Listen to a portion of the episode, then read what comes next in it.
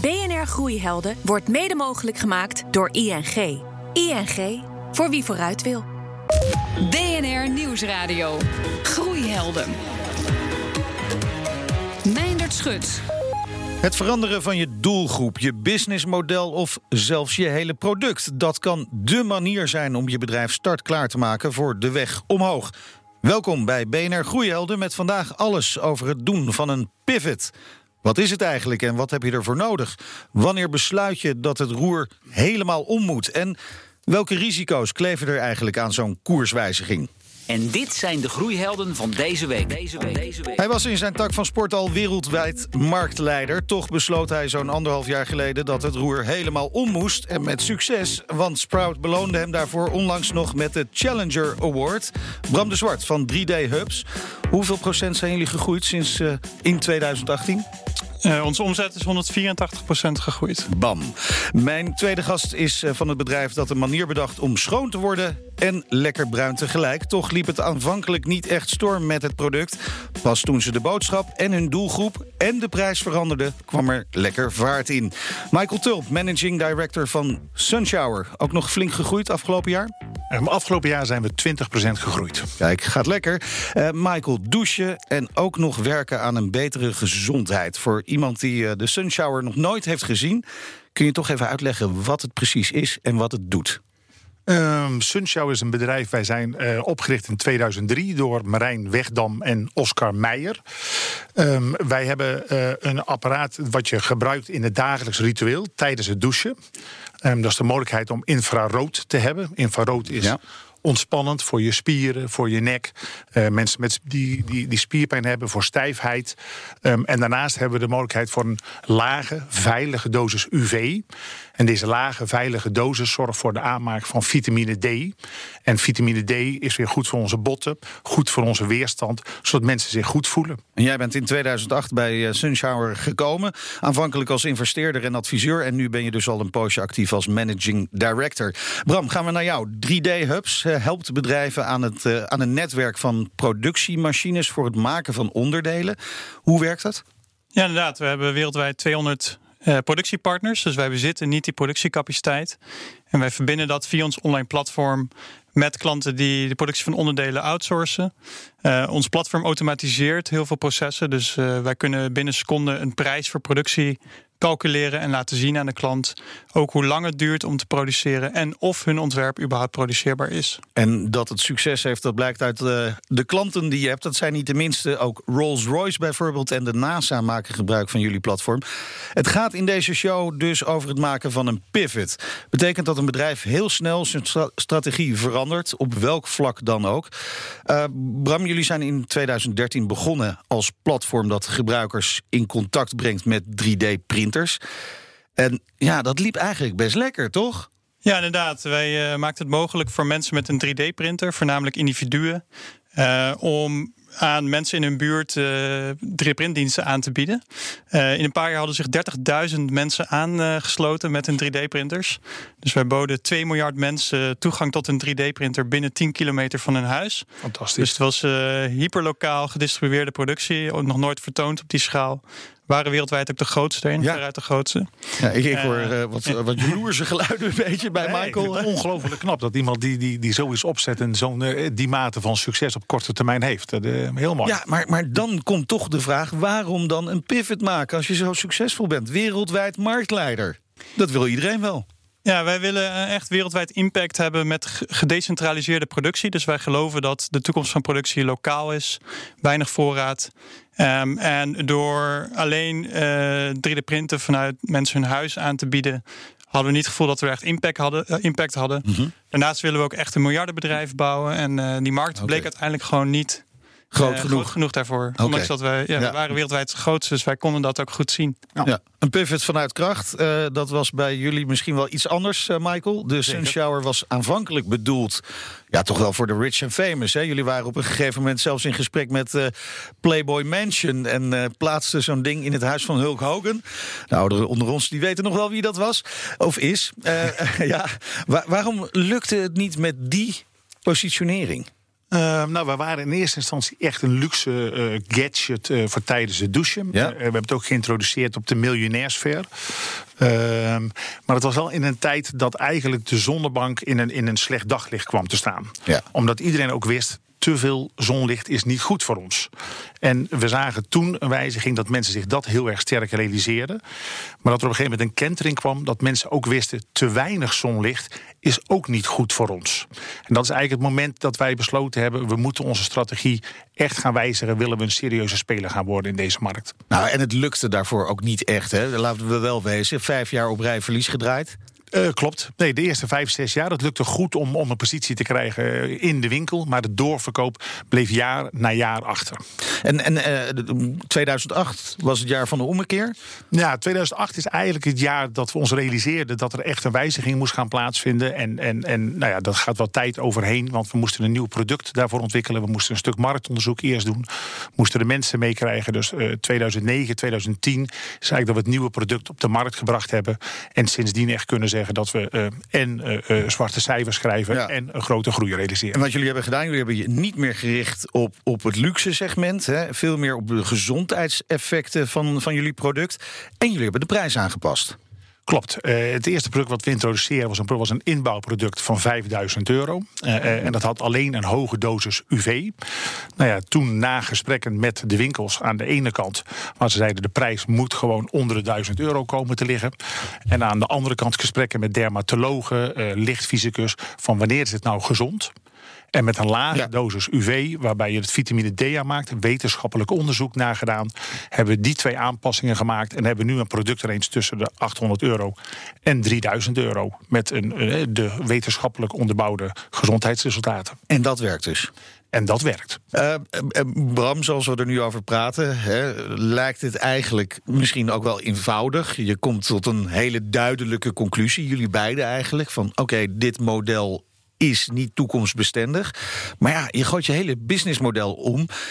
En ik kan me voorstellen, als je, als je wereldwijd marktleider bent, dat het ook best wel eens lastig kan zijn om tegen je bestaande klanten te zeggen: hey, sorry, je bent niet meer welkom, we gaan het anders doen. Hebben jullie dat zo ook ervaren? Um, ja, vooral aan de leverancierskant. Dus uh, we werken nu alleen nog maar met industriële productiepartijen, 200 wereldwijd, uh, waar we eerst 30.000 individuen hadden. Um, en daar is helaas geen ruimte meer voor platform. Dus dat was wel moeilijk. Ja, ja wat komt er dan op je af op zo'n moment? Nou, wel redelijk wat teleurstelling uh, vanuit die gemeenschap uh, over het besluit. Want ja, uh, ja zij, er waren wel mensen die daar aanzienlijk wat, wat orders op binnenkregen. Ja, maar waren er nou geen partijen die dat deel wel wilden doorzetten? Op een, op een andere ja, manier. Er waren wel alternatieve oplossingen in de ja? markt. Dus we hadden wel wat concurrenten. Die waren niet heel groot. Um, en, maar uiteindelijk uh, lijkt erop dat, dat geen daarvan echt uh, het succes behaalt wat wij hadden behaald. Ja. ja. maar zijn, zijn er ook momenten geweest uh, dat jullie het ook echt moeilijk hebben gehad met die, met die pivot? Met die omslag? Uh, nou, natuurlijk hebben we daar, heb ik daar wel eens wat slapeloze nachten over gehad. Uh, ja, want je, je neemt afscheid van iets waar je jaren aan hebt besteed, waar je heel groot in bent geworden.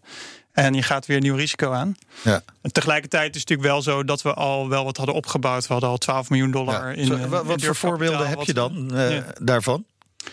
Van wat we al hadden? Ja. Nou, allereerst is ongeveer wel de helft van de klanten uit het oude platform bestelt ook weer okay. op het nieuwe platform. Dus okay. uh, we verbieden niemand om te bestellen. Nee, natuurlijk. uh, dus, dus dat is goed. Uh, en, en verder hadden we, wij gebruiken artificial intelligence, kunstmatige intelligentie, om bijvoorbeeld die prijsbepaling te doen. En we hadden over de jaren okay. al heel veel data verzameld. Ja. Dus van de katbestanden, van de, de prijs, de offertes van de leveranciers. Op basis waarvan we de, bijvoorbeeld die prijscalculatie konden automatiseren. Ja. Michael, was het voor jullie makkelijk, die pivot? Omdat je ja, eigenlijk gewoon, ja, je, je maakte verlies. Je moest iets doen. Um, het was makkelijk om iedereen te overtuigen dat er ja. echt iets moest gebeuren. Ja. Uh, maar de vraag was natuurlijk wel: waren we niet succesvol omdat we de verkoop niet goed deden? Of lag het aan het product? Uh, of lag het aan uh, nou ja, een aantal andere zaken wat aan kan, kan liggen? Dus daar hebben we wel wat gesprekken over moeten hebben. Want we moesten weer opnieuw terug naar de tekentafel. En we moesten weer gaan investeren in een nieuw product. En we wisten dat dat een doorlooptijd heeft van 12 maanden. voordat we weer opnieuw de markt op konden gaan. Dus dat was toch een lastige, lastige exercitie. Ja. Eh, Billen knijpen ook een beetje? eh, zeker ook billen knijpen, omdat we ook wel wisten... als dit niet de juiste stap is, hè, dan zou het ook het einde kunnen zijn van, eh, van, van de onderneming. BNR Nieuwsradio. Groeihelden. De ene heeft een online platform voor productiefaciliteiten. De andere een product waarmee je tijdens het douchen je huid een plezier doet met infrarood en extra zonlicht. Bram de Zwart van eh, 3D Hubs en Michael Tulp van Sunshower zijn vandaag mijn gast. Groeihelden heet dit programma. Hebben jullie zelf eigenlijk een, eh, een groeiheld? Iemand die jullie inspireert? Michael? Eh, zeer zeker. Ik moet zeggen, de, eh, het bedrijf Koeker met de heren Peteri. eh, ongelooflijk knap hoe Waar zij je, in waar je instant kokend water uit je kraan kunt krijgen. De kokend waterkraan. ze hebben één product wat ze, waar ze continu in blijven innoveren. Nu ook weer met bruiswater erbij. Ja. En zij blijven groeien, zowel in Nederland als internationaal. Groot respect voor hun- hun doorzettingsvermogen en hoe ze dat op de markt hebben gezet. Ja, en misschien ook wel enigszins een vergelijkbaar product. Ehm, absoluut, ik kies het niet helemaal voor niks. Eh, zij zijn voor ons echt een beetje de grote boer, broer. Eh, Ja. We kijken echt naar hun, we praten ook met hun hoe zij een aantal zaken opgepakt hebben tijdens eh, de verschillende fases van, van de organisatie. Bram, jouw groeiheld? En voor mij is dat eh, Tony Fedel. Ik heb eh, zelf industrie ontwerpen aan de TU Delft gestudeerd. Heb eh, ook eh, veel producten ontworpen. En ik vind het ontzettend knap hoe hij en ontzettend goede productontwerper is. Hij is de uitvinder van de iPod, eh medeontwerper van de iPhone. Maar ook eh, de oprichter van Nest. Dus de Nest thermostaat en rookmelders komen uit zijn koker. En daarnaast heeft hij ook, eh, is hij een fantastisch ondernemer. Nest heeft hij voor meer dan 3 miljard aan Google verkocht. Gigantisch bedrijf gebouwd. Ik heb nu contact met eh, Janneke van den Heuvel van TriLikes. Een tool waarmee je real-time de klantbeleving kunt meten. En eh, Janneke, jij laat je graag inspireren door de familie van Eert. De drijvende kracht achter Jumbo. Waarom die familie? Ja, onder andere, ik vind het altijd interessant om te kijken naar eh, eigenlijk Nederlandse bedrijven en ondernemers, eh, omdat ik me daar iets meer mee kan identificeren. Ehm, en wat ik heel, ja, daar gewoon heel krachtig vind, is dat zij toch wel door middel van doorzettingsvermogen ook lef en eh, ja, gewoon eigenlijk krachten eh, dat bedrijf in een hele korte periode, eigenlijk in twee generaties, heel groot hebben gemaakt. Daar heb ik wel respect en bewondering voor. En toevallig of niet, je bent opgegroeid in de omgeving van Veghel, waar ook de Van Eertjes vandaan komen. Eh, ken je ze ook uit die regio? Ja, nou, kennen, daar kent iedereen elkaar wel een beetje. Het is natuurlijk wel maar een klein dorp. Maar eh, ik ben daar ook alweer tien jaar weg. Dus eh, dat is allemaal lang geleden. Maar eh, ja, we kennen elkaar wel, ja. Ja, je zegt al, je hebt bewondering voor de manier waarop ze Jumbo hebben laten groeien in de afgelopen eh, decennia. Hoe zou je hun manier van zaken doen kunnen omschrijven? Ja, ik denk dat dat, dat voor zover ik dat natuurlijk hè, kan zien, dat dat heel persoonlijk is en dat dat heel echt is, omdat dat vrij dichtbij blijft. Dus daar waar die organisatie natuurlijk ook heel groot is geworden, merk je wel dat dat nog steeds een familiebedrijf is en dat daar gewoon beslissingen, als zij ergens achter staan of als ze ergens vertrouwen in hebben, dan gaan die beslissingen, voor zover ik dat kan zien, een stuk sneller. Ehm, en wordt er echt nog ja, ondernomen zoals dat vaak in wat, wat in kleinere organisaties gaat. En dat vind ik knap, want die, die drive en die snelheid heb je volgens mij in deze tijd ook wel echt nodig. Dankjewel, Janneke van den Heuvel van TriLikes. BNR Nieuwsradio. Groeihelden. Een radicale koerswijziging van je bedrijf. Zonder risico's is dat niet, maar voor mijn groeihelden van vandaag heeft het buitengewoon goed uitgepakt. Het zijn eh, Bram de Zwart van 3D Hubs en Michael Tulp van Sunshower. Eh, Bram, ik zeg net dat zo'n pivot niet helemaal zonder risico's is. Daar hebben jullie ook over gesproken, intern neem ik aan, de risico's. Want je, je, gooit gewoon een, een markt weg eigenlijk. Absoluut. Ja, eh, dat hebben we natuurlijk met het bestuur uitgebreid besproken. Ehm, we hebben twee grote uh, durfinvesteerders in het bestuur. En die stonden heel erg achter het besluit en het risico wat we gingen nemen. Omdat ze ook zagen dat die markt gewoon uh, veel groter is. En deze bestuurders bij jullie binnen de organisatie... zijn dat ook mensen die vanuit die branche komen... die de kennis en ervaring van de 3D hebben... of kennis en ervaring van fabrikage hebben? Nou, ze, ze komen uit venture capital fondsen... en zij hebben ervaring in het investeren in uh, technologieondernemingen. Ja. Uh, niet specifiek met productie, maar ja, ze, op zich zien zij wel ontwikkeling in de markt. En, uh, en zij zagen ook dat die markt waar we eerst in opereerden niet groot genoeg was. Nou, hoe, hoe, belangrijk is het om, om zo, zulk advies te krijgen in elk geval? Hè? Je zoekt toch ook, denk ik, een beetje naar bevestiging van je ideeën. Maar ook iemand die je scherp houdt erop. Ja, bevestiging. En natuurlijk mensen met diepe zakken. Die, Ja, dat helpt ook, hè? die, van me, die zeggen ja, als het, eh, als het wat langer duurt, die pivot, dan, eh, dan kunnen wij eventueel wel bijspringen. Ja. Ja, Michael, hoe ging dat bij jullie? Ik zei al, bij jullie was de noodzaak echt heel groot om die pivot te maken. Eh, de noodzaak was groot. eh, eh, in die zin dat we wel zagen dat, dat we met de hoge dosis UV en de, het negativisme wat daar terecht omheen hing, dat we echt een koerswijziging moesten gaan, gaan maken. Maar ook dan moet je nog wel intern de mensen meenemen. Het moet ook gefinancierd worden. Je moet je hele positionering anders neerzetten. Je moet je, je brochuremateriaal anders gaan neerzetten. Dus dat, dat, ja, dat heeft wel Ja. grote impact. I- op de Is het lastig om, om financiering binnen te halen op het moment dat, dat je dus verlies leidt? Al jaren op rij? Uh, het is een van de grootste kwaliteiten van Marijn Wegdam en Oscar Meijer... om mensen met hun ongelooflijk grote enthousiasme en geloof in het concept uh, uh, te laten investeren in de organisatie. Ja. Ja, mijn dat je had het net al uh, even over uh, verlies draaien en dat je daarmee automatisch concludeerde dat, uh, dat het niet goed zou gaan met Sunshower. Ja. Uh, dat is typisch ik, Nederlands, ja, vrees ik. Ja, dat vind ik een redelijk Nederlandse mentaliteit. Uh, ik denk dat bedrijven als Amazon en Tesla, hè, die waren tot voor kort ook verliesgevend. Ja. En toch uh, zijn dat enorm waardevolle bedrijven. Um, als je gewoon iets groots wil bouwen, dan komen de kosten voor de baten uit. En uh, ja, ik denk dat we daar in Nederland uh, de mentaliteit nog wel iets mogen mogen veranderen. Ja, absoluut. Dat heb je ook nodig om, om groeihelden te creëren. En wie weet, wordt de Sunshower wel de Tesla van de badkamer? Dat zou natuurlijk heel prettig zijn. Dat is zeker onze ambitie. ja, absoluut. Maar goed dat je dat uh, hebt uh, genoteerd. Uh, Bram, jullie, jullie schetten dus wel zwarte cijfers. Hebben jullie ook verlies uh, geleden in de aanloop? Uh, naar nou de ja, pivot? Wij, wij, wij, hebben durfkapitaal, dus dat ja, betekent precies, dat je, dus dat, dat je in de toekomst investeert. Ja. Uh, het vorige maand was inderdaad wel de eerste maand dat we cashflow positief waren. En wat is een uh, beetje jullie, uh, jullie ambitie wanneer jullie break-even zouden willen gaan draaien? nou, het huidige plan is in 2021. Ja. Maar vorige maand waren we dus al cashflow positief. Dus het gaat wat harder dan uh, het gaat voorspeld. Ja. en daarom ben je ook groeiheld. Het gaat harder dan je had voorspeld. Is dat bij jullie ook harder gegaan? Michael, dan voorspeld na de pivot? Ja, na de pivot is de eerste zes jaar echt een stuk harder gegaan dan, uh, dan dat we verwacht hadden. Uh, daarnaast uh, had het ons ook de mogelijkheid gegeven om een ander bedrijf nog op te zetten. Dermasun, wat zich specifiek richt op mensen met huidaandoeningen. Okay. wat wel gebruik maakt van dezelfde technologie met een, een lichtspectrum wat je kunt integreren in het dagelijks ritueel. En dat gaat via dermatologen, wordt dat voorgeschreven voor mensen die een milde vorm van psoriasis of eczeem heeft. Ja. Uh, Bram, even een, een, ja of nee. Had 3D Hubs nu nog bestaan als jullie die koerswijziging niet hadden gemaakt? Ja, maar niet in de huidige vorm. maar veel kleiner? Ja, dat was het team klein. We zijn nu 60 mensen en dan ja. hadden we niet 60 mensen op de payroll kunnen. Nee. Nou, je, je, organisatie verandert natuurlijk wel hè, als je zo'n pivot maakt en uh, op een andere manier gaat werken. Uh, jullie zijn meer in gaan zetten op sales. Ja, ja, dus in het vorige model um, gaven klanten niet heel veel uit. Het waren kleine projectjes. Um, dus daar konden we niet echt sales doen. Dat was niet gerechtvaardigd, nee. de kosten. In het nieuwe model leveren wij aan uh, onder andere 25% van de Fortune 100 bedrijven.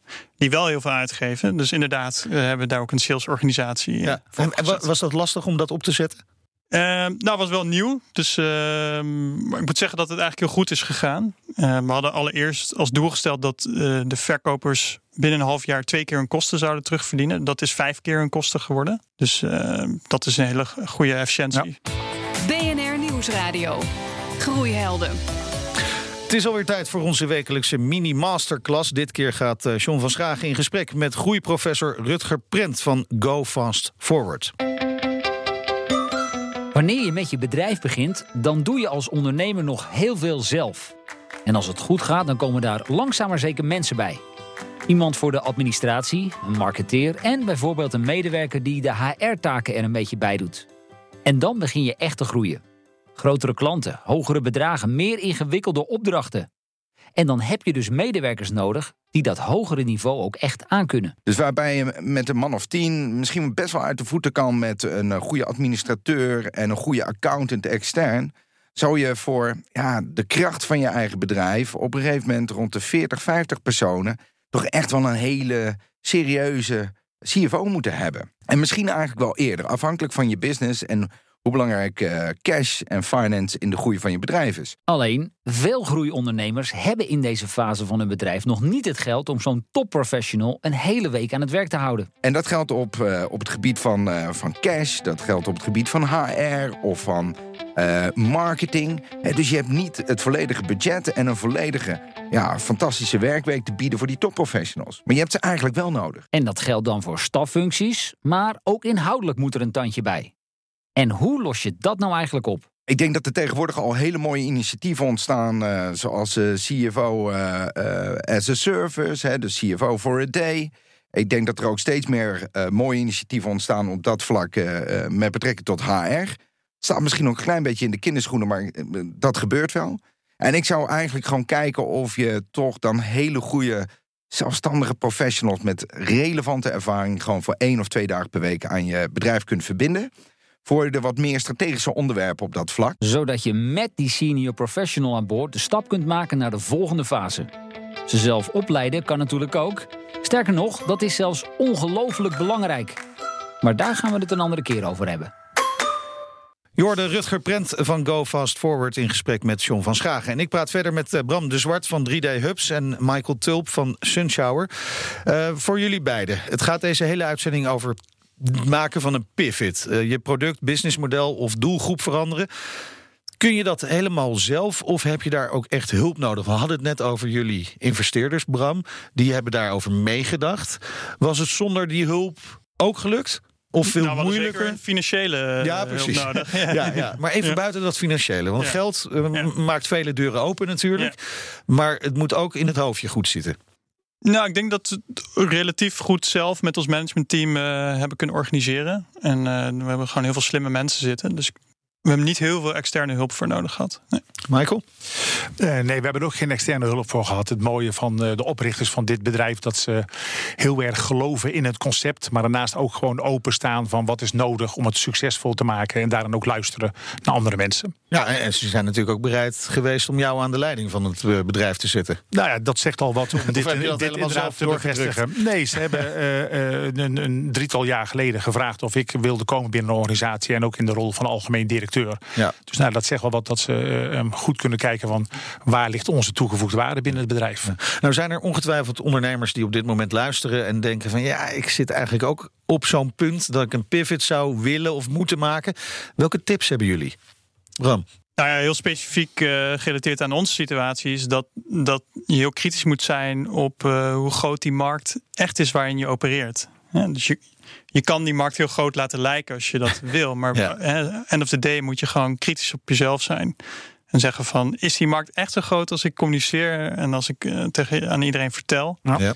En uiteindelijk kwamen we tot de conclusie, nee, als we echt heel eerlijk zijn, is het gewoon niet zo. Ja, en dan is Ja. zo'n beslissing eh, wat makkelijker om te maken, Ja. om zo'n pivot te maken. Ja. Ja, eh, wat Bram zegt, ik denk inderdaad dat het luisteren naar de markt altijd belangrijk is. En ook als je een mooie groei laat zien, blijf luisteren naar de markt. Eh, maar daarnaast ook wel blijf geloof houden in je eigen, eh, je eigen concept en waar je voor staat. En ik denk als je die twee goed met elkaar kunt matchen, dat dat het succes brengt wat de organisatie verdient. Ja, we hadden het net al over het uitbreiding van jullie portfolio. Internationale plannen, zijn dat ook de belangrijkste uitdagingen voor komend jaar? Ehm, ja, eh, het internationaliseren en daarnaast ook eh, eh, de bekendheid van Sunshower, ook op de Nederlandse markt. daar is nog heel veel ruimte eh, voor verbetering. En dat verdient het product. Ehm, dus dat zijn eigenlijk voor ons de belangrijkste uitdagingen. Nou, met het laatste is in ieder geval nu een stap gezet. Bram eh, van eh, 3D Hubs, waar gaat jullie voornaamste aandacht uit dit jaar? Nou, we gaan heel veel meer productietechnologieën toevoegen. Dus we willen echt de one-stop shop worden voor de industrie. Waar Ja. ze voor bijna al hun productiebehoeften eh, in kleine en middelgrote hoeveelheden volumes eh, bij ons terecht kunnen. Eh, en we blijven doorontwikkelen aan ons platform. En, en eigenlijk al die frictie verwijderen die nu vaak in de markt ziet. wanneer bedrijven probeer- proberen hun productie te Ja, dan moet je mensen aannemen, denk ik. Ja, we gaan het verdubbelen van 60 naar 120 eh, mensen dit jaar. Ja. Kijk aan, dat gaat ook hard. Groeihelden zijn het zeker. Ik dank mijn groeihelden van deze week. Bram de Zwart van 3D Hubs en Michael Tulp van Sunshower. Terugluisteren en delen Kan natuurlijk in de BNR-app, op Spotify of in iTunes. Volgende week weer een nieuwe Groeihelden. Dan ga ik in gesprek met twee groeiondernemers... die actief zijn in de markt van payroll en uitzenden. En tot die tijd zeg ik, lekker blijven doorgroeien. BNR Groeihelden wordt mede mogelijk gemaakt door ING. ING, voor wie vooruit wil.